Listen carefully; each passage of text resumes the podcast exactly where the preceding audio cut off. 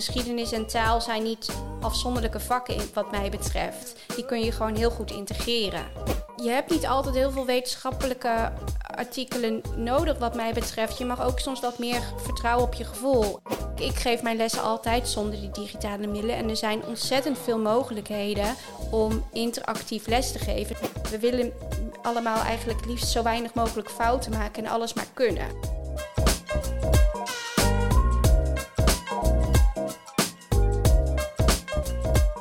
Welkom tot de podcast De Vergeten Groepen, waarin we ons voornamelijk richten op de jongeren en hun ouders met verschillende belangrijke onderdelen van opvoeden en ontwikkelen. Parenting. Dit relateren we dan aan de maatschappij, hoe ze zich heeft ontwikkeld en hoe die zich zal kunnen ontwikkelen en wat wij eraan kunnen doen.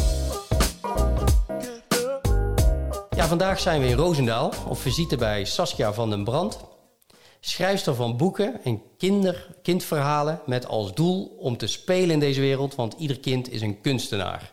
En in iedere volwassene zit een kind.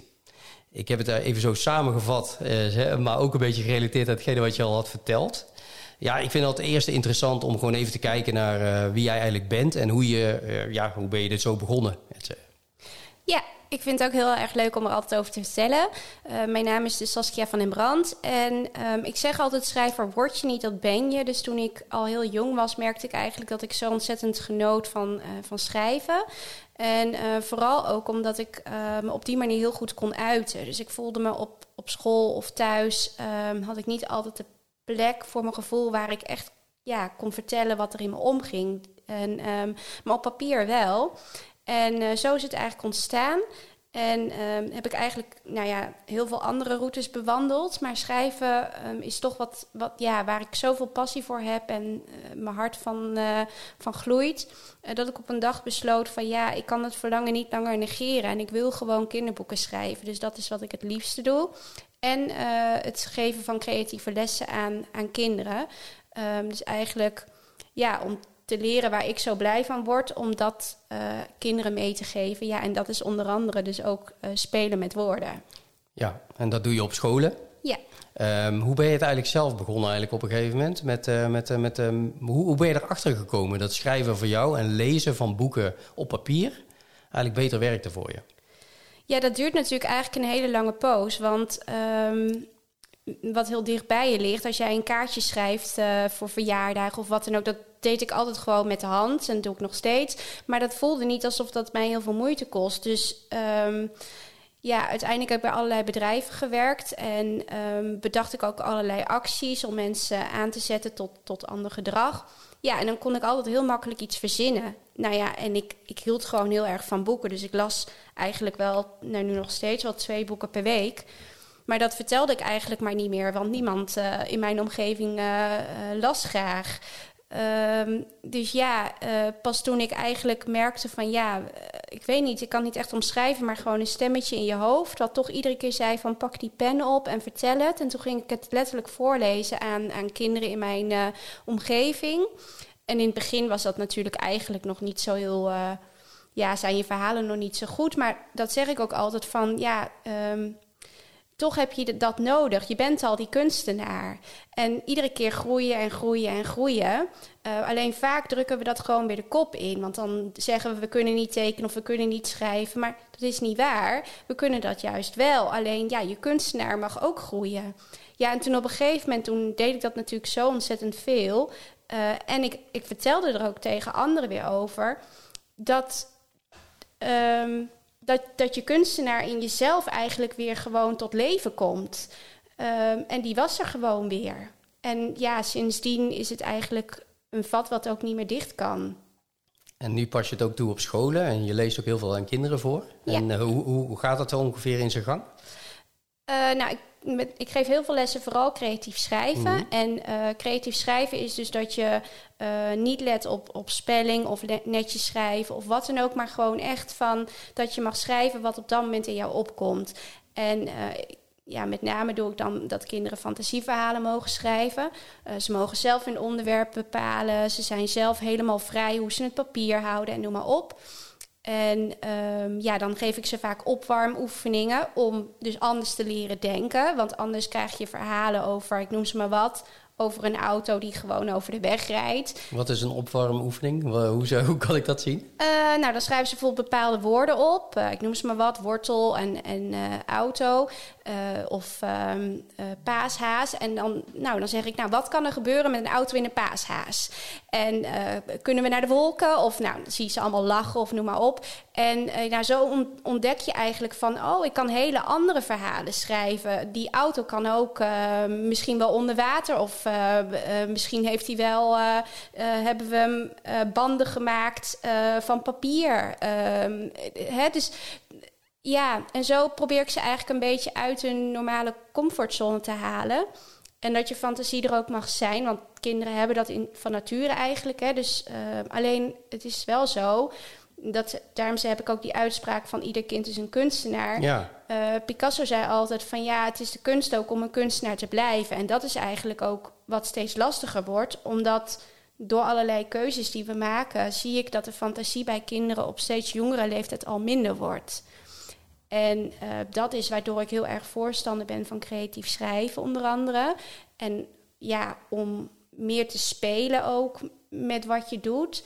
Ja, om die fantasie weer te behouden. En om later in je werkende leven dat je dan dat je niet per se A uh, hoeft te volgen, maar dat je in staat bent om ook te kijken naar B en C die jij zelf hebt bedacht. Ja. ja en dat is wat ik eigenlijk ieder mens gun, is dat je een creatief leven kan leiden. En dat hoeft niet te betekenen dat we allemaal kunstenaar zijn, maar wel dat je dat je, je eigen uh, uh, leven een andere richting op kan, ge kan geven, wat bij jou past. Dus eigenlijk komt het erop neer dat uh, de methode die jij toepast, uh, ten eerste raak je ook de creativiteit van kinderen, dus ze kunnen mm -hmm. zelf bepalen en eigenlijk indirect leer je dan ook je eigen koers Zeker. Ja. ja, want als jij leert dat uh, jij zelf mag bepalen hoe jij uh, je blaadje houdt, of uh, hoeveel regels jij schrijft, of waarover, of, en je dat ook mag voordragen en je daar iedere keer in gestimuleerd wordt en dat het niet fout is en dat je het goed doet en dat je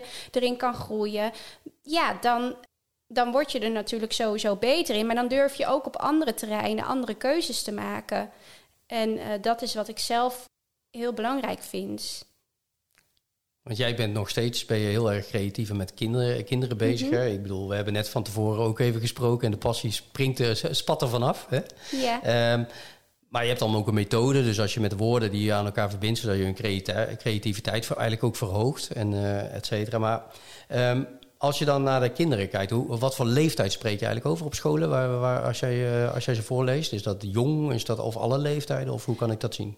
Nou ja, mijn boeken zijn al meestal vanaf acht jaar. Dus uh, ja. groep vier, vijf uh, kom ik het meeste.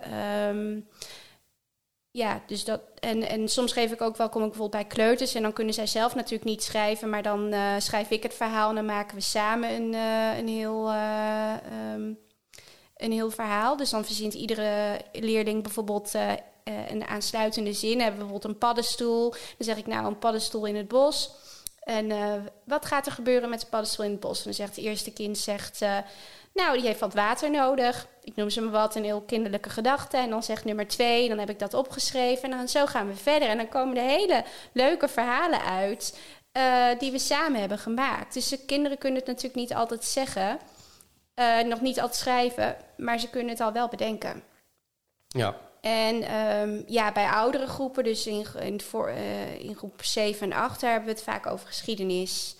Uh, dus daar doe ik dan wat meer mee. Ja, en hoe voel jij je erbij als je, daarbij, als je dat doet?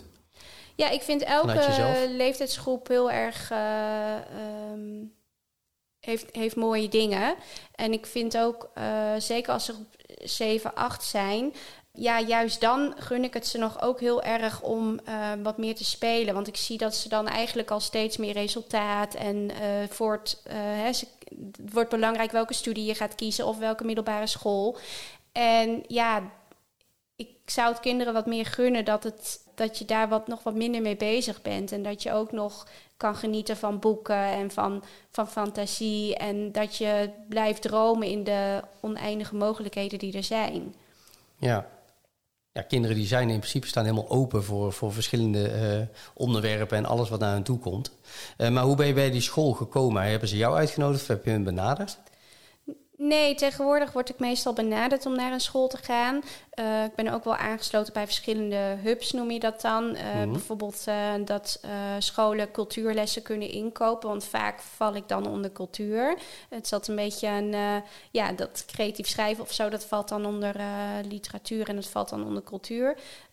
dus ja, eigenlijk op verschillende momenten in het jaar kan dat zo zijn.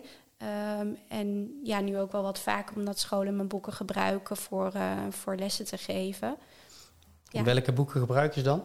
Nou, met name mijn geschiedenisboek Roosnelse Kinderen in Oorlogstijd. Die heb ik hier links van mij liggen trouwens. Eventjes. Ja, ik heb overlevenden die de Tweede Wereldoorlog hebben meegemaakt als kind... heb ik geïnterviewd. En op basis daarvan heb ik kinderverhalen gemaakt... En dat, heeft dat speelt zich af in mijn eigen woonplaats Roosendaal. Maar eigenlijk is het boek voor alle, overal in het land goed te lezen. Omdat het op een ja, toegankelijke manier eigenlijk vertelt over de oorlog in eigenlijk ja, voorleesverhalen. Alsof je het nu meemaakt. En voor kinderen is het steeds lastiger te begrijpen wat bijvoorbeeld een voedselbon is. Ja, je kunt er een filmpje van laten zien en je kan er een tekstje over voorlezen. Maar ik geloof meer dat, het, dat dingen blijven hangen als het echt een verhaal is. Dus als um, als personages eigenlijk gaan leven. En dat is heel erg goed gelukt bij dat boek. En uh, daar heb ik leskaarten aan gekoppeld. Uh, waardoor je eigenlijk op een spelende manier, noem ik dat dan, maar door gewoon te lezen en door plekken te bezoeken of door, uh, nou ja, door, door zelf te gaan schrijven na afloop van, van het verhaal wat je hebt gelezen, dat je de geschiedenis van de Tweede Wereldoorlog kent. En ja, dat blijkt dus ook zo te werken. Dus nou, vertel dan nu vooral even wat in Roosendaal is gebeurd, want daar kregen alle kinderen het boek ook. Uh, is dat de leesplezier nam toe, de herdenkingen waren drukker. Kinderen gingen uit zichzelf lezen. En gewoon kinderen die nooit lazen, die hebben het boek in één keer uitge... lazen het gewoon uit. Het zijn ook, ik schrijf altijd korte verhalen, omdat ik heel erg geloof dat je verhalen heel erg in de klas in kan zetten om daarna verder te gaan. Dus dan moet het verhaal niet te lang zijn, maar dat je even kort leest of de leerkracht uh, voorleest. Uh, dan heb je de belangrijkste kennis, krijg je eigenlijk al via het verhaal. En daarna kun je het er nog over hebben. Zeker, ja. Ja, en uh, je kunt er je eigen lessen door vormgeven. Ja, ik zie daar gewoon heel erg veel mogelijkheden om alles met elkaar te verbinden. Dus geschiedenis en taal zijn niet afzonderlijke vakken, wat mij betreft. Die kun je gewoon heel goed integreren. Ja, door op de juiste manier uh, de taal in te zetten. Hoe je leest, wat je leest, maar ook de, natuurlijk het onderwerp waar het over gaat. Ja. Ja, ja en, en daar heb je dus wat mij betreft geen echte methodes voor nodig. Uh, we hebben een scala aan boeken. Echt, ja, schrijvers doen er alles aan om, om mooie boeken te maken over klimaatverandering. Of het, nou ja, noem het maar op. Uh, of over dat je er mag zijn. Ja, gebruik die boeken. En, en, want dat zijn al supermooie verhalen. En bovendien heeft het ook heel veel. Uh, is het ook voor kinderen minder beangstigend of zo. Hè? Als je een verhaal schrijft over een dier, of, dan voel je, voelt een kind ook wel dat het bij zichzelf dat dat, dat iets is wat hem uh, zelf raakt. Alleen hij hoeft het niet te zeggen, want het, ja, hij heeft het al gehoord via het verhaal. En dan kan je het daarna over hebben. Uh, dat je ziet dat een kind daar wat nou, wat deed dat verhaal met je? Of, uh, hè, dus het is een hele mooie ingang ook vaak om, om gesprekken die lastiger zijn. Want op school komt natuurlijk ook alles voorbij. Om daarvoor ook heel vaak verhalen te gebruiken. Ja, een van de redenen natuurlijk waarom dit onderwerp ook zo interessant is, is dat. Uh, ja, we zien natuurlijk telkens meer de telefoons, de iPads, korte berichtjes, korte YouTube-filmpjes, veel meer digitaal werk. Um, Jij staat meer voor, eh, voor het papier, hè? dus uh, echt lezen en daar ook op schrijven. Um, wat is daar de reden van, uh, de achterliggende reden? Ja, ik kijk, ik kijk altijd wat doet het met mezelf. En als ik schrijf met, uh, op papier, dan heeft dat voor mij een andere. Dan, dan worden mijn ver verhalen die letterlijk komen meer, toch meer vanuit mezelf. Uh, omdat je niet anders kan. Uh, je kunt niet wegvluchten of iets, iets opzoeken of, of wat dan ook ja, ik wil ook kinderen leren dat je het zelf kunt. Dus dat je daar niet een Chromebook of zo voor nodig hebt. Dat ieder kind en volwassene kan schrijven. Um, ja, ik, ik, ja, er is ook steeds meer onderzoek natuurlijk uitgebleken dat, dat het leerprestaties, dat, dat concentratie beter wordt en noem maar op. Ja, ik zie gewoon in de klas, omdat ik zelf die middelen dus niet gebruik, mm dat kinderen steeds meer moeite hebben om te schrijven. Of dat ze maar gewend zijn van, oh ja, uh, iedere keer dat jij alweer iets op gaat zoeken, word je eigenlijk lui in je hoofd. Want ja, en ik, ik wil kinderen echt heel erg vertellen van nee, um, stimuleer jezelf. Je zet gewoon meer hersendelen aan.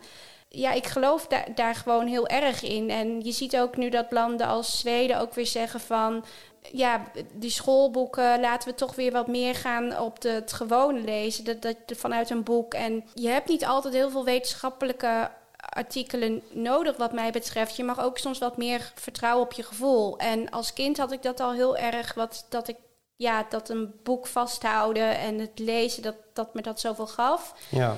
En dat is nooit meer echt overgegaan. En ik merk ook bij mezelf dat ik minder begin te lezen, ook via het scrollen en zo. Dat dat bij mij een verandering bewerkstelligt als ik dat te veel doe.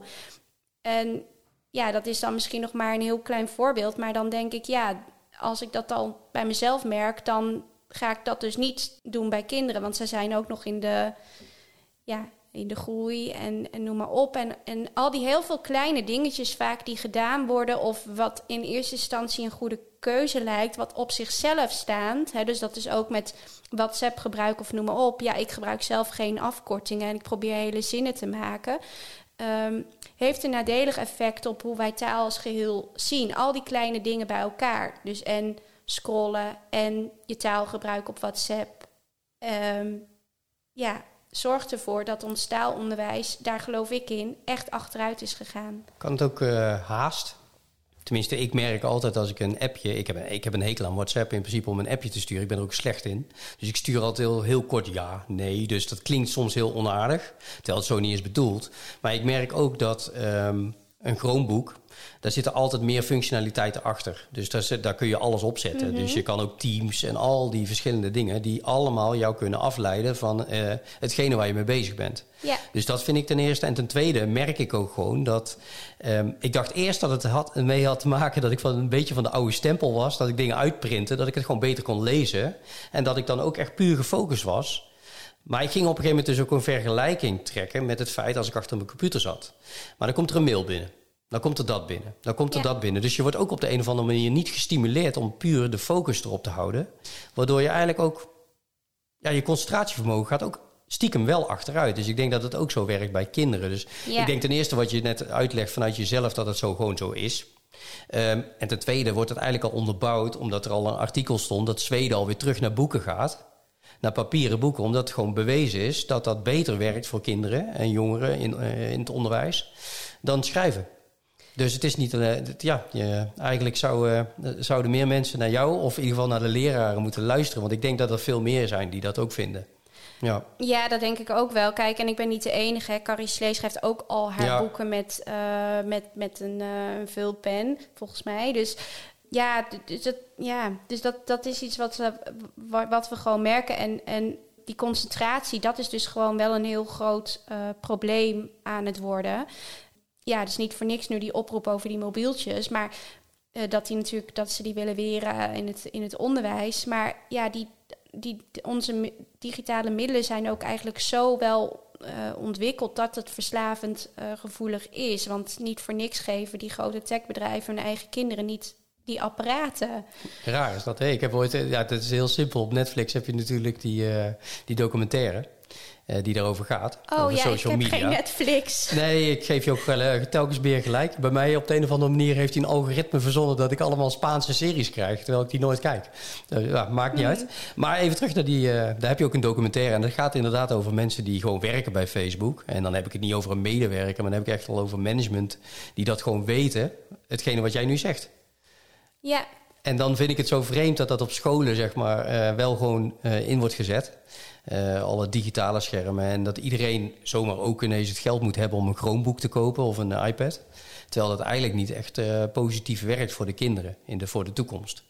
Dus dat vind ik wel heel belangrijk dat het wel besproken wordt. Ja, ja ik denk dat wel. Ik ben absoluut uh, niet tegen de middelen. Hè. Dus ze brengen ons ook ontzettend veel. Meerwaarde. Um, ja. Alleen bijvoorbeeld waar ik wel een beetje moeite mee heb, is dat er altijd gezegd wordt als het interactief uh, lesgeven of dan, mm. dan hebben we altijd een filmpje nodig of dan moet er iets van dat hè, dan gebruiken we dat vaak en nou en daar dat vind ik dan van niet want dat kijk, ik geef mijn lessen altijd zonder die digitale middelen. En er zijn ontzettend veel mogelijkheden om interactief les te geven zonder die middelen. Alleen we zijn het vergeten dat we dat eigenlijk kunnen. We kunnen namelijk ook gewoon uh, met elkaar uh, op de grond allerlei uh, patronen maken of um, een een, vertellen in een verhaal zodat je meegenomen wordt. Ja, dus alleen nu lijkt het alsof we altijd als het dat in heel de samenleving als ik het woord interactief hoort, dat betekent dat bijna altijd of, of mentimeters ja. of het maakt niet uit wat. Ja, er zijn nog heel veel andere vormen, alleen um, we zijn verleerd hoe we dat kunnen doen. Dat is heel interessant, want je ziet het eigenlijk ook, uh, want dan ga ik even naar de, naar de huizen, naar de huissfeer hè, met mm -hmm. ouders. Uh, als kinderen vaak uh, iets ja, iets moeten doen omdat er uh, gegeten wordt of, of er wordt gesproken tussen, tussen ouders met elkaar. dan krijgt al snel de iPad, die wordt bij een kind neergezet, een jong kind. Want dan kunnen ze een filmpje zien, want dan hebben zij hun eigen ding en dan kan er rustig gesproken worden. Terwijl ik denk al bij mezelf, dat is eigenlijk best wel vreemd. Want je zou natuurlijk ook kunnen denken van... hé, hey, we gaan samen interactief met mijn kind ga je bepaalde dingen doen. Um, hoe zou je dat kunnen stimuleren? Ik denk dat het best wel dicht bij hetgene ligt wat jij doet. Ja, uh, nou ja, je kunt gewoon kinderen uh, meenemen in, in wat je graag uh, wil doen. Bijvoorbeeld al is het maar in de tuin, dat, dat je, ja, dat, ga maar een huisje creëren voor, voordat de vlinders kunnen komen. En met, ga maar aan de slag of zo. Um, dat, dat kun je natuurlijk prima doen uh, uh, met kinderen. Maar zou je ook samen kunnen gaan schrijven? Want eigenlijk, uh, kijk, zoals jij het net noemt, je, als je jongere kinderen hebt en je gaat gewoon samen een verhaal schrijven met je kind. Tuurlijk. Dat zou nog best leuk zijn. Tuurlijk, of bedenk maar een, uh, uh, een challenge waarbij je allemaal uh, 24 uur zonder apparaten mag zijn. Um, maar, alle, maar samen tot, een, tot nieuwe gezinsregels of zo komt. Um, nou, die hoef je dan niet netjes onder elkaar te zetten, maar die mag je op een hele andere manier vormgeven. En iedereen kan daarin deelnemen. Dus ja, het is maar net hoe je het, hoe je het wil doen. Of, of als je gaat, of als je avond eet of, of zo. Um, ja, bedenken allemaal een leuke vraag. Zo ja. mag van alles zijn. Maar ja, en dat soort dingen, dat zou ik zelf in ieder geval wel doen. Dat is zeker interactief. Ja, ja. En, uh, en niet iedere keer als standaard de vraag van uh, hoe was je dag vandaag? Uh, maar nou, stel een andere vraag. Heb je vandaag nog uh, in, de, in de ringen gehangen of zo? Of uh, wat zou je het liefst hebben gedaan? Als je, wat neem je mee van deze dag? Of uh, ja, nee, je kan alles bedenken. Ja. ja, eigenlijk is het best wel makkelijk. ja, dat is het ook. alleen, ja, het, het, is gewoon even een andere manier van... Um, van dat iemand je er ook eigenlijk bewust van maakt, denk ik. Nee, dat, ja, ik denk dat het ook best wel lastig is. Want op een gegeven moment ben je, zit je in een bepaalde structuur. En dan denk je van, oké, okay, dan ga je maar door in een bepaalde methode. Terwijl eigenlijk om dan weer terug te gaan naar hetgene waar het eigenlijk om gaat. Uh, dat je gewoon samen een verhaal gaat schrijven. Of ja, ik bedoel, je hebt nog meerdere boeken geschreven, daar komen we zo even op. Ja. Um, dat je gewoon eigenlijk gaat voorlezen aan je kind of samen lezen. Uh, dat zijn eigenlijk wel de me uh, meest essentiële dingen. Dus, ja. ja. Je hebt nog meer boeken geschreven. Um, hoeveel boeken heb je eigenlijk uh, in totaal geschreven? Uh, nu twee boeken en volgend jaar uh, komt daar een natuurboek bij. Dus daar ben okay, ik nog leuk. mee bezig. Ja, ja. ja. en het eerste boek, dat was dus mijn debuut. Dat heet Avonturen in Boekenatlas. En dat komt eigenlijk voort vanwege mijn passie voor lezen en schrijven. Um, maar vooral ook omdat ik kinderen heel erg gun um, dat, dat je weer ja, dat, dat, je, dat je mag verdwijnen in boeken. En, en um, ja, als, als je kijkt naar heel de ontwikkeling, hoor je toch vooral heel erg veel van ga maar lezen. Dat zeggen we ook heel veel tegen kinderen. En we hebben het niet zoveel over schrijven, terwijl lezen en schrijven altijd bij elkaar verbonden zijn. Lezen kan niet zonder schrijven en andersom. Uh, maar ik geloof uh, niet zozeer uh, om maar tegen kinderen heel vaak te zeggen dat, iets, dat je iets moet doen of zo maar wat wel, denk ik, beter werkt, en dat blijkt ook wel, want kind, dat hoor ik ook wel vaak terug van kinderen, is dat um, als ik heb een personage gemaakt dat die heet Alphabet. Een alfabet is heel verdrietig, want hij wordt niet meer gelezen. Hij staat al jaren in de bibliotheek en hij wil naar een land. En dat land heet Boekenatlas. Maar hoe komt hij daar? Kan hij daar wel komen? Ja, en dan ga ik met kinderen, mogen ze ook zelf boeken bedenken. Hè, van hoe zou Boekenatlas er dan nog verder uitzien? En, en lees jij nog wel eens? En snap je dus dan... Nou, zo heb ik nog verhalen gemaakt over... Ehm, Ehm, die zich allemaal afspelen in, in Boekenatlas. Waarin ook meneer Balpen is bijvoorbeeld en novelle. En uh, novelle lijkt dan een beetje op mij, want die wil heel graag schrijver worden. Uh, en dat vertel ik ook tegen kinderen. Hè, dat, dat, dat, dat ze, ik ben ook wel open soms over uh, dat die verhalen natuurlijk ook deels soms een link kunnen hebben met mij. En dat mogen ze ook allemaal vragen. En ehm, ja, dus dat, en hoe dat dan een verhaal tot stand komt. En dat vertel ik dan eigenlijk een beetje via um, via novellen onder andere. Dat je, ja, dat je alleen maar schrijver kunt worden, eh, kunt, kunt zijn, want je bent het natuurlijk al. Maar als je maar iedere keer begint. En, en ik zie ook wel een beetje een trend dat kinderen steeds makkelijker ergens mee stoppen. Omdat ja, we moeten er meteen goed in zijn. En we, we zijn eigenlijk. Uh, we willen allemaal eigenlijk liefst zo weinig mogelijk fouten maken en alles maar kunnen. Voelen. Ja. Heeft ook met voelen te maken. Want fouten maken betekent dat het even niet prettig kan voelen. Ja. Um, maar wat we misschien niet meer normaal vinden. Terwijl eigenlijk als je gewoon fouten maakt, dat is eigenlijk niet erg. Iets goed doen is fijn, dat is altijd zo. Maar eigenlijk het proces daar naartoe. Het, uh, het moet weer en dan heb je weer over haast eigenlijk. Weer over snel. Het moet snel gebeuren. Dus je moet ergens snel goed in zijn. Mm -hmm. uh, terwijl dat heeft gewoon tijd nodig. Ja, en dat we ook wel over alles heeft een, uh, hangt een resultaat aan vast. Ja. ja, en ik geef kinderen nooit uh, cijfers of wat dan ook. Ook ja, omdat ik gewoon die prikkeling vanuit jezelf uh, wil komen. En um, ja, kijk, voor de een is het hartstikke knap als jij vier regels schrijft. Voor de ander kan een heel blaadje. En dat valt niet te vergelijken met elkaar. Um, het is jouw pad, jouw proces. En van vier ga je misschien wel naar acht. En dan ben ik hartstikke trots. Maar als het uh, even weer terug gaat naar zes, dan krijg je ook een. Hè, dan zal ja. ik je ook stimuleren. En wat heb je dat goed gedaan? En altijd positief om, nou ja, om maar weer te groeien. Uiteindelijk heb je ook niks aan vergelijken. Het, ieder kind is anders en volgt zijn eigen pad. Uh, de een kind uh, is veel meer met. Um, stimuleer ook waar je plezier in hebt of wat bij je past. Je hoeft niet ja, je mag hele andere interesses hebben en dat is helemaal prima. Ja, waar komt eigenlijk uh, het, het gunnen van kinderen? Dat benoem je al een paar keer. Ik gun kinderen. Waar komt dat vandaan bij jou, intrinsiek? Ja, ik denk dat dat natuurlijk toch ook wat te maken heeft met mijn eigen jeugd en de opleidingen die ik zelf heb gedaan. Uh, ik heb zelf uh, natuurlijk de basisschool doorlopen en ook um, vervolgens eigenlijk uh, ingeschaald op VMBO, basiskader. Nou, uiteindelijk heb ik HBO gehaald. Maar daar komt wel een beetje uit naar voren van...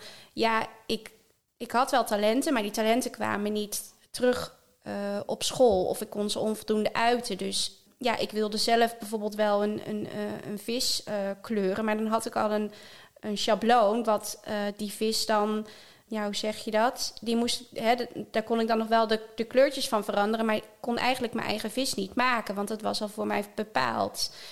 En ja, vanuit dat soort dingen. Um, ook dus, dus je heel... was het niet eens met, uh, met de vorm van de vis eigenlijk. Maar nee. je moest, ja, je, het werd ja. als het ware zoiets van hier is de vis. Ja. Jij mag alleen de kleurtjes geven. Dus eigenlijk ja. het inkleuren wat, uh, wat, je, wat je vaak ziet. Ja, en ik heb heel lang het pad gevolgd. Uh, nou ja, het heeft dus heel lang geduurd voordat ik eigenlijk achterkwam wat mijn talenten waren. Want ik had dus een gigant was eigenlijk altijd heel erg creatief. Alleen niet op de manieren, niet bij hand. Uh, toen had je nog handvaardigheid, daar was ik eigenlijk ja. helemaal niet zo goed in. Maar wel dus in dat, in dat taal en dat, dat uh, bijvoorbeeld musicals kunnen bedenken of, of dat soort vormen. Alleen ja, daar kwam ik niet echt achter. En ik, ik, ik gun kinderen eigenlijk dat je, um, dat je niet alleen op dat intellect uh, beoordeeld uh, wordt, maar dat ook gekeken wordt naar die andere creat he, intelligentie. Uh, ja, hoe zeg je dat? Um, um, vakken die je hebt. Of, ja, ja. ja. En nee, nou, ik denk uh, dat het ook wel doorcijbelt, creativiteit in alle facetten van je leven. Ja. Met de oplossingen. Hoe ga je kijken creatief naar oplossingen? Ehm, hoe sla je niet vaak vast? Of hoe denk je van, hé, hey, hoe kom ik zo snel mogelijk bij dat punt? Je kan ook creatief te werk gaan. Ja. En dat, dat, in ieder geval, ja, ik denk dat je creatieve brein daarmee weer heel erg wordt gestimuleerd en dat heel positief is. Maar ik vind het wel mooi dat je het gunt. Dus eigenlijk het gunnen komt ook, ook gedeeltelijk. Je gunde eigenlijk het jezelf ook vroeger. Ja, heel erg. Ja, en ook dat ik nu heb dus die dat mijn talenten eerder uh, naar voren waren gekomen. Want dan had ik niet, ik heb nu allerlei opleidingen gedaan en zo. En dan, dan was mijn schoolperiode ook gewoon prettiger geweest. Want ja, nu had ik heel vaak het idee dat ik eigenlijk nergens echt goed in was. En ja, dat ik altijd, nou ja, ik was ook letterlijk de enige die, geloof ik, toen naar, uh, naar het VMBO ging. Dat is absoluut niet erg, hè? Want dat, eh, dat, dat maakt ook helemaal niet, niet, niet zegt uit. ook niet zo voor jou. Nee. nee. maar wel dat ik iets vaker zoiets had van... Nou Saskia, dat, uh, dat, dat, dat kan jij eigenlijk echt wel goed. Um, en dat heb, ik op, dat heb ik eigenlijk nooit ervaren. Dat is wel een beetje in het schoolsysteem. Hè? Want ik, ik heb mijn zus is lerares.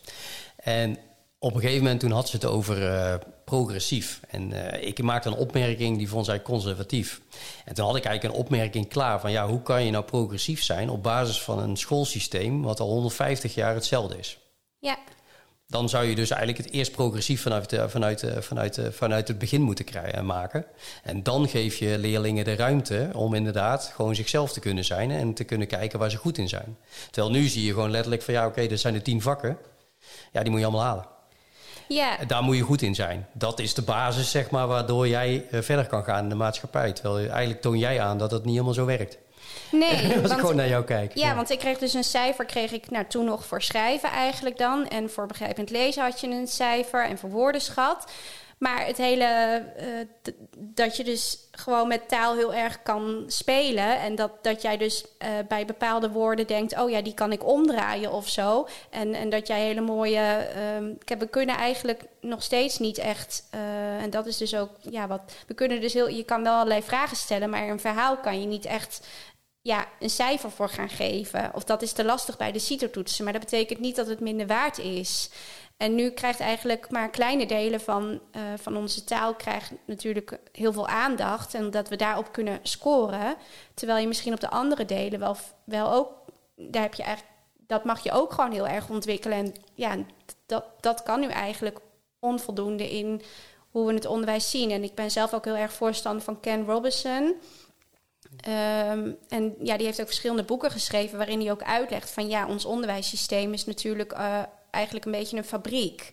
Uh, met de bel die we hebben en tijd die we per vak besteden. En dat drama en uh, dans bijvoorbeeld, ja, dat, dat taal en rekenen staan bovenaan. Maar bijvoorbeeld dans zal niet, terwijl dans ook een taal is. En ja, dat vind ik gewoon heel interessant. Hij heeft echt hele mooie boeken daarover geschreven. Dus die zou ik zeker aanraden om te lezen. Dankjewel. Ja. Ja, leuk. Ja, ik, kende de beste man niet. Uh, wel ben ik het al helemaal eens met hetgene wat je zegt. Dus uh, dat, dat je al heel snel in een soort fabriek wordt geplaatst en dat je dan uh, klaar wordt gestoomd overdag om later dan gewoon te werken. Um, en vooral je in het systeem te voegen zonder dat je eigen creativiteit kwijt kan. Of dat het in ieder geval lastig is om daar in ieder geval mee van rond te komen. Um, dat, is, dat is in ieder geval niet, dat is niet voor iedereen weggelegd. Maar daar spreek ik misschien mezelf tegen. Want ik denk op het moment dat je een passie hebt, waar je echt in gelooft, denk ik wel dat het mogelijk is. En ik denk dat kinderen dat ook wel meer mogen eh, leren. Dat ze meer een passie moeten volgen. Ja, daar worden ze gelukkig van. Ja, dat, dat, echt, dat is super belangrijk. En ja, iedereen zal dat beamen. Dat uiteindelijk als je dat naar dat pad wel toe gaat, wat ik natuurlijk uiteindelijk ook ben gaan doen, dan komen die stapjes wel. Het, het, is niet meteen dat je op de Olympus staat. Maar als je, het is ook belangrijk om te blijven vertellen van... oké, maar ook al eh, hou je er geen geld aan over of wat dan ook... maakt het je gelukkig. Ja. Uh, heb je er plezier in? Nou, dan ga je er toch lekker mee door. Ja, en ik vind het mooie ervan is... kijk, dat zijbelt ook alweer door. Want als je gelukkig bent in hetgene wat je doet... ben je aardiger voor andere mensen. Uh, ja, ik heb bij verschillende bedrijven gewerkt. En daar zie je gewoon soms echt een giftige sfeer tussen mensen. Eh, omdat ze hun gelijk willen hebben, omdat er een bepaalde soort groep psychologie wordt uitgevoerd. Van mhm. verdeel en heers. Maar op het moment dat iedereen het gewoon allemaal heel leuk zou vinden, wat ze doen, zou dat veel minder uh, aanwezig zijn, heb ik, denk ik echt. Dus dan Ja. denk ik ook dat de essentie niet is allemaal maar om een resultaat te behalen. Zoals jij net ook al heel benoemd dat het op school ook wordt gedaan. Maar dat het ook eigenlijk de essentie is om het gewoon naar je zin te hebben. En als je je zin hebt, zullen automatisch die resultaten ook wel volgen, denk ik. Ja, Dus ja. ja, ik, ik ben Wat zelf dan het resultaat mag zijn, hè? Ja. Ja, ja, ik ben zelf ook heel erg voorstander om gewoon... ehm, vaak is bijvoorbeeld ook, eh, nou ga maar eh, te- tekenen of, of nog iets maken. Dus vaak helemaal aan het einde van de week. Van, oh ja, we hebben nog even wat tijd over. Nou, dan kunnen we dat nog wel even gaan doen. Nou, waarom kan je niet gewoon elke dag eerst beginnen met... Met waar je heel veel plezier eh, eh, uit haalt. D- dat is iets maken. Kijk, we weten allemaal. Mij valt op als ik het er vaak met mensen over heb. die universiteit gestudeerd hebben. en je vraagt. wat zou je nog eens willen doen? Dan zegt nooit iemand. nou, nog heel veel in de boeken. Nee, vaak is het iets gaan maken. Want da- dan kom je weer bij, de kern, bij jezelf. Nou, dat is ook wat ik natuurlijk doe met schrijven. En met. er is heel, heel vaak knutselen ook bij. En dus toch iets maken. Dat maakt mensen gelukkig. Iets creëren. Zeker, ja. ja. Ja, Ja, ik vind al het mooiste dingen die ik, eh, die ik vind, is dat dingen groeien. Dus ook in mijn werk zoek ik altijd eh, een bepaald soort positie waarin ik dingen kan laten groeien. Dus wat vind ik leuk om te doen? En dat ook vind ik het leukste als mensen daar ook aan meedoen om dat te laten groeien. Als dat niet aanwezig is, dus als het puur uitvoerend is, dan kom je weer in dat systeem terecht. Dan haak ik altijd af. Nou, en dat zie je nu ook wel als dat het steeds lastiger wordt, ook voor kunstenaars. Is dat we ook zelfs bij, ehm, nou, stel je wil iets ehm, in jouw eigen stad eh, gaan, gaan veranderen. Eh, en er wordt een subsidie uitgeschreven dat kunstenaars daarvoor in ehm, mogen schrijven. Dan zijn er allemaal al richtlijnen. Maar ja, juist kunstenaars zijn eigenlijk degene die, dat weet je nog helemaal niet. Iedereen weet dat als je ooit een manuscript hebt geschreven, dat de eerste versie uiteindelijk vaak heel erg verandert naar de, tot de definitieve. Dus we, we willen iedere keer overal alweer een, een uitkomst. Maar ja, juist dat het, het beste komt pas als, je, eh, als het vrij is, als je jezelf de ruimte geeft, als je een wit vel hebt. En ja, dus, daar zie ik dus ook wel van ja, dan krijg je dus ook steeds meer de kunst die past volgens onze, ja, in onze hokjes. Ja, en daarin zie je gewoon heel erg die verandering. En, en ja, ik zou toch hopen dat dat wel weer wat teruggedraaid wordt. Hè? Dat we wat, wat vrijer kunnen zijn daarin. Ja, daarin vind ik wel grappig, want eh, Zweden in heel veel opzichten de afgelopen jaren eigenlijk is best wel vooruitstrevend in hun methode hoe ze dingen aanpakken. Ehm, wat wij dan weer eigenwijs noemen. En dan wordt het waarschijnlijk eh, wordt het vaak weer in een hoek gezet van nou, eh eens even kijken wat zij nou weer doen. Maar op zich, dat zie je nu ook weer met die boeken. Dat zag je ook met andere onderwerpen waarin zij gewoon denken van ja, maar hoe werkt nou eigenlijk een, het brein van een mens het Ja. beste om elkaar te stimuleren? Ehm, zij stimuleren ook eh, eh, sporten op het werk. Dat wordt langzamerhand hier ook overgenomen. Eh, dus dat zijn allemaal wel positieve dingen waar ze daar toch wel vooruit lopen eigenlijk. Ehm, Ja. Nou, en jij bent er ook een voorstander van. Misschien moet je wel ambassadeur worden van eh, ja, toch, de Ja. boeken, Boekenweek. Ja. Ja. Ja. nou ja, kijk, met de kinderboekenweek hebben we daar natuurlijk altijd ongelooflijk veel aandacht voor, voor lezen en schrijven. En, en dus er zijn dan nog ehm, eh, 51 weken waarin dat belangrijk is. Ja, en, en goed voorbeeld doet ook eh, goed volgen. Hè? Dus, dus ja, ehm, als alle ouders hierin in ook wat meer bewust zijn van, nou ja, lees zelf een boek. En ook als leerkracht van, pak dat boek op. Want dus er worden genoeg studiereizen georganiseerd naar landen als Finland en Zweden. Ehm, ja, daar, daar maken ze natuurlijk toch wel een beetje soms wat andere keuzes. Hoe zou dat komen? Dat het specifiek eh, in Scandinavië is? Want Finland heeft dat ook heel anders gedaan met onderwijs. Ja, sowieso heb ik wel het idee dat ze daar wat langer over nadenken voordat ze een, eh, eh, niet zomaar het oude altijd maar overboord gooien. Bij ons heerst toch ook altijd, vind, heb ik wel het idee van als iets nieuw is, dat het altijd maar beter is. Zou het ook komen omdat er heel veel mensen die dingen bepalen, dingen instrueren en dingen implementeren, dat die eigenlijk er geen verstand van hebben? Het is heel erg zwart-wit, hè? Ik weet wat ik zeg, maar ik bedoel... Nou ja, dat denk ik eigenlijk dat, dat je daar wel een punt hebt. Is dat, dat je op een bepaalde positie eh, bent gekomen. Dat komt vaak ook omdat je goed weet hoe je in dat systeem eh, daar naartoe kan groeien. Ja, maar dat zie je overal. Dat, eh, ja. Ehm, dat als je afwijkend bent, dus als je net een andere mening hebt, eh, ja, dan we vinden het eigenlijk allemaal wel heel fijn als we een beetje dezelfde poppetjes eh, spreken. Dat zie je eigenlijk natuurlijk ook wel terug in het onderwijs, is dat ja, ook bij methodemakers of wat dan ook, daar werken ook heel veel mensen die vaak een PABO-achtergrond hebben. Dus zit je weer in een opleiding in een bepaald systeem? Ja, precies. En ehm, ik denk dat als je vaker zou kiezen voor ehm, ehm, dat, dat, schrijvers daar een onderdeel van zijn, of misschien wel muzici of wat dan ook, dan krijgen we hele andere uh, boeken. Uh, alleen, ja, dat zijn allemaal. ja, we vinden het gewoon vaak prettig als we dezelfde taal spreken. En doordat we dezelfde taal spreken, krijgen we ook weer wel een iets ander uitkomst. Maar wel in het verlengde van wat we al kennen. Want we houden eigenlijk met elkaar ook wel heel erg van Ehm, hetzelfde of niet te veel verandering? Ja, dat komt al, uh, wat je net al benoemt. Afwijkend. Ja. En je noemt het al afwijkend, terwijl eigenlijk in de basis zijn we allemaal vrije wezens met een hele open gedachte. Zo worden we geboren. En dat is eigenlijk, dus wat is dan afwijkend? Eigenlijk afwijkend is dan eigenlijk het systeem. Want dat zorgt er eigenlijk voor dat je allemaal uh, je vrije gedachten ja. uh, over bepaalde dingen gewoon kwijtraakt. En dat zie je natuurlijk ook, overal zie je dat terug. Hè? En misschien is dat ook wel op dit moment de tijd van de hypes. Weet je wel, je ziet het overal in terug.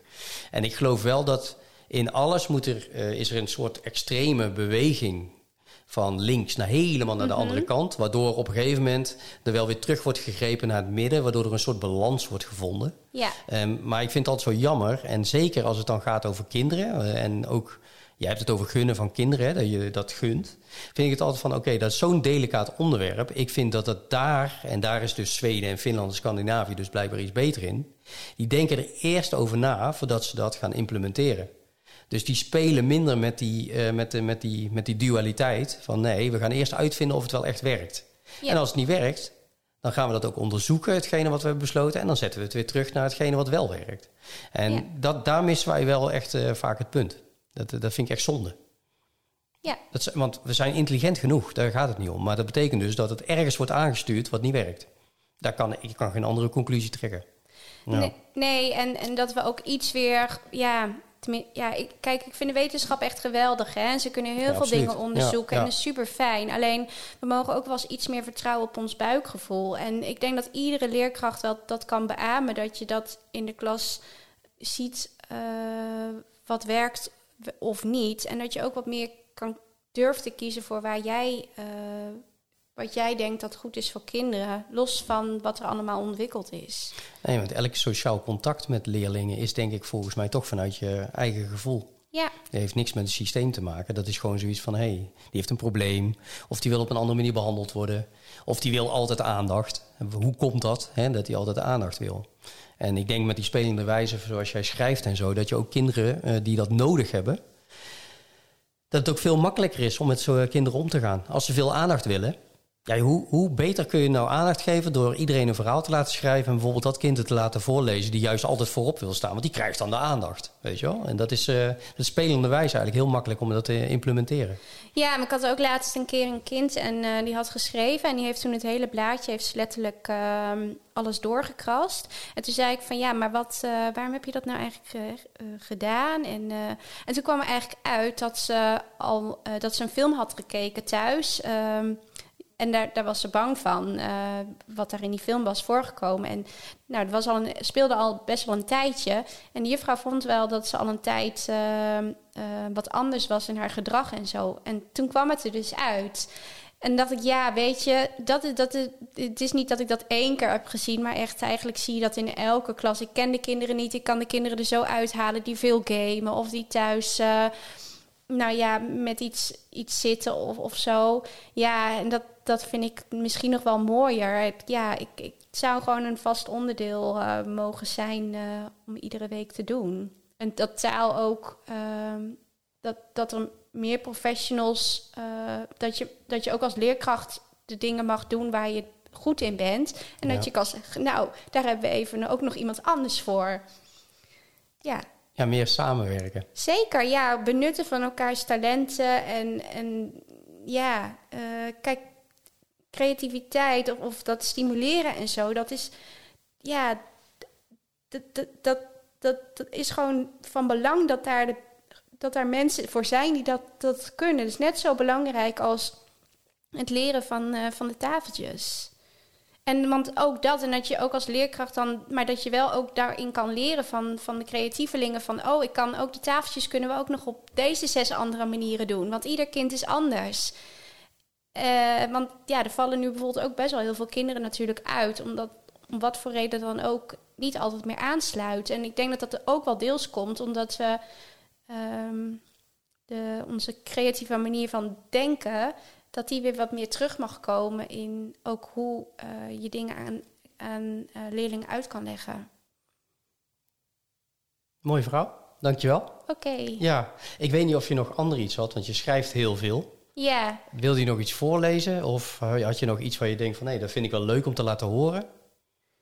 Oh, ik kan wel een stukje voorlezen uit, uh, uit Roosnals Kinderen in Oorlogstijd. Als je dat, dat vind ik wel uh, leuk. Uh, een deel wat jij echt gewoon denkt van... hé, hey, dat wil ik echt eh, dat, om dat te laten horen. Um, ik ben eventjes aan het bladeren. Ja, rustig aan. We hebben alle tijd. Um, en anders knippen we het eruit. Ook al knippen we niet vaak in dingen eruit.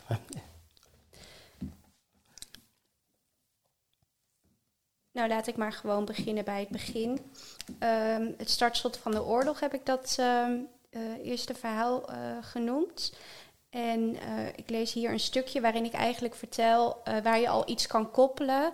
bijvoorbeeld met een, een, les. Dus dat, dat vertel ik dan. Um, het is bijna moederdag. Anna wil haar moeder eens goed in het zonnetje zetten. Ze tekent en kleurt op haar kamer. Wat is dat voor geluid? Zijn het voetstappen? Anna spitst haar oren. Het gekraak komt dichterbij. Er komt iemand de trap op, de trap naar haar slaapkamer. Stap voor stap wordt het geluid harder. Ze rent naar het geheime kastje achter haar bed. Het deurtje piept enorm als het opent. Vlug frommelt ze de tekening erin. Anna voelt zich opgewonden en zenuwachtig als haar slaapkamerdeur openzwaait.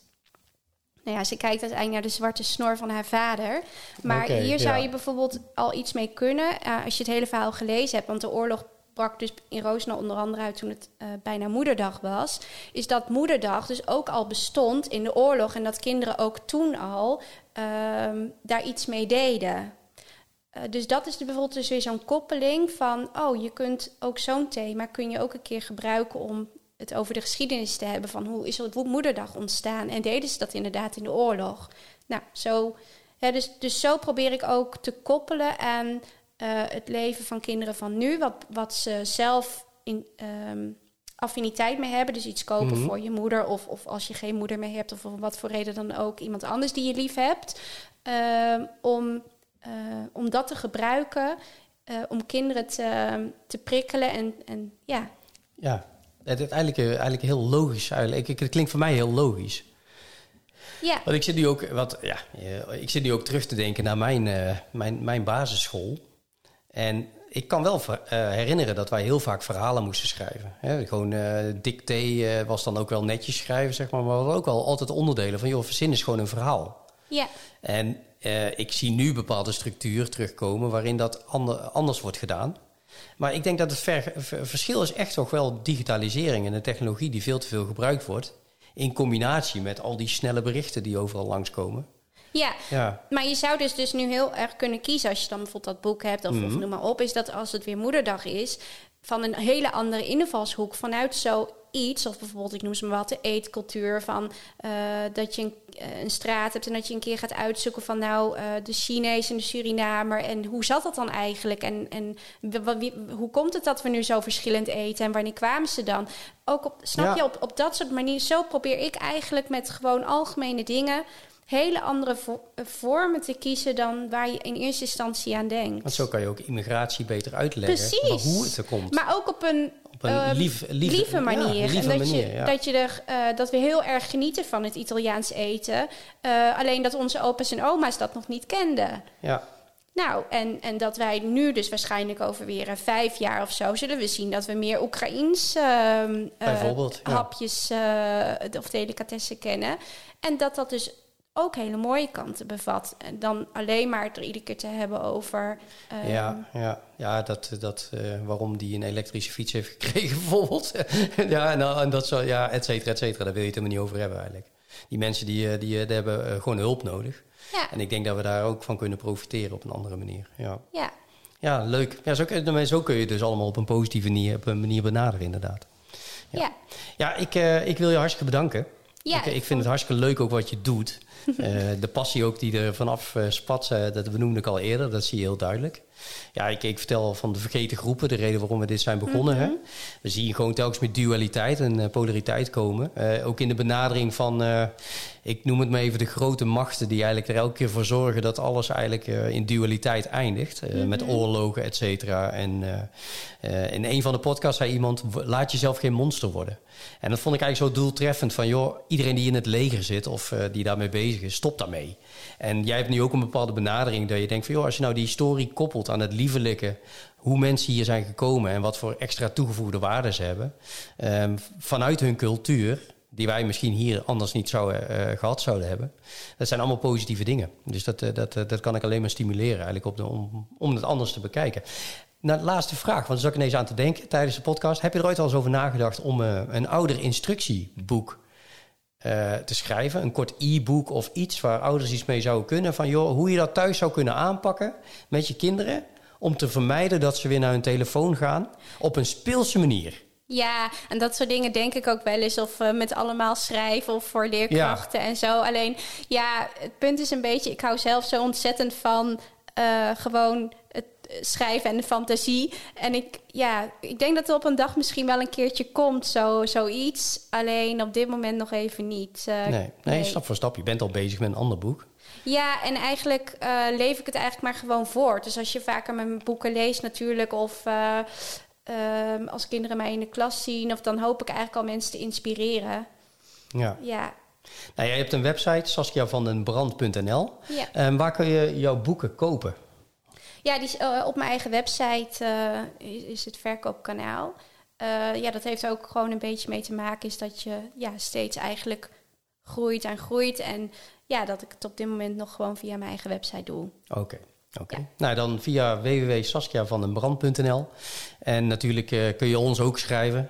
podcast.tevergetengroepen.nl. We hebben ook eh, een website. Daar zijn we nog trouwens met een nieuwe website. Zijn we hard bezig om het veel professioneler te maken. Daar zullen we ook bepaalde dingen gaan delen van onze gasten. Ehm, ja, ik wil je nogmaals bedanken voor de podcast. Graag gedaan. En ja, tot de volgende keer weer. Dankjewel.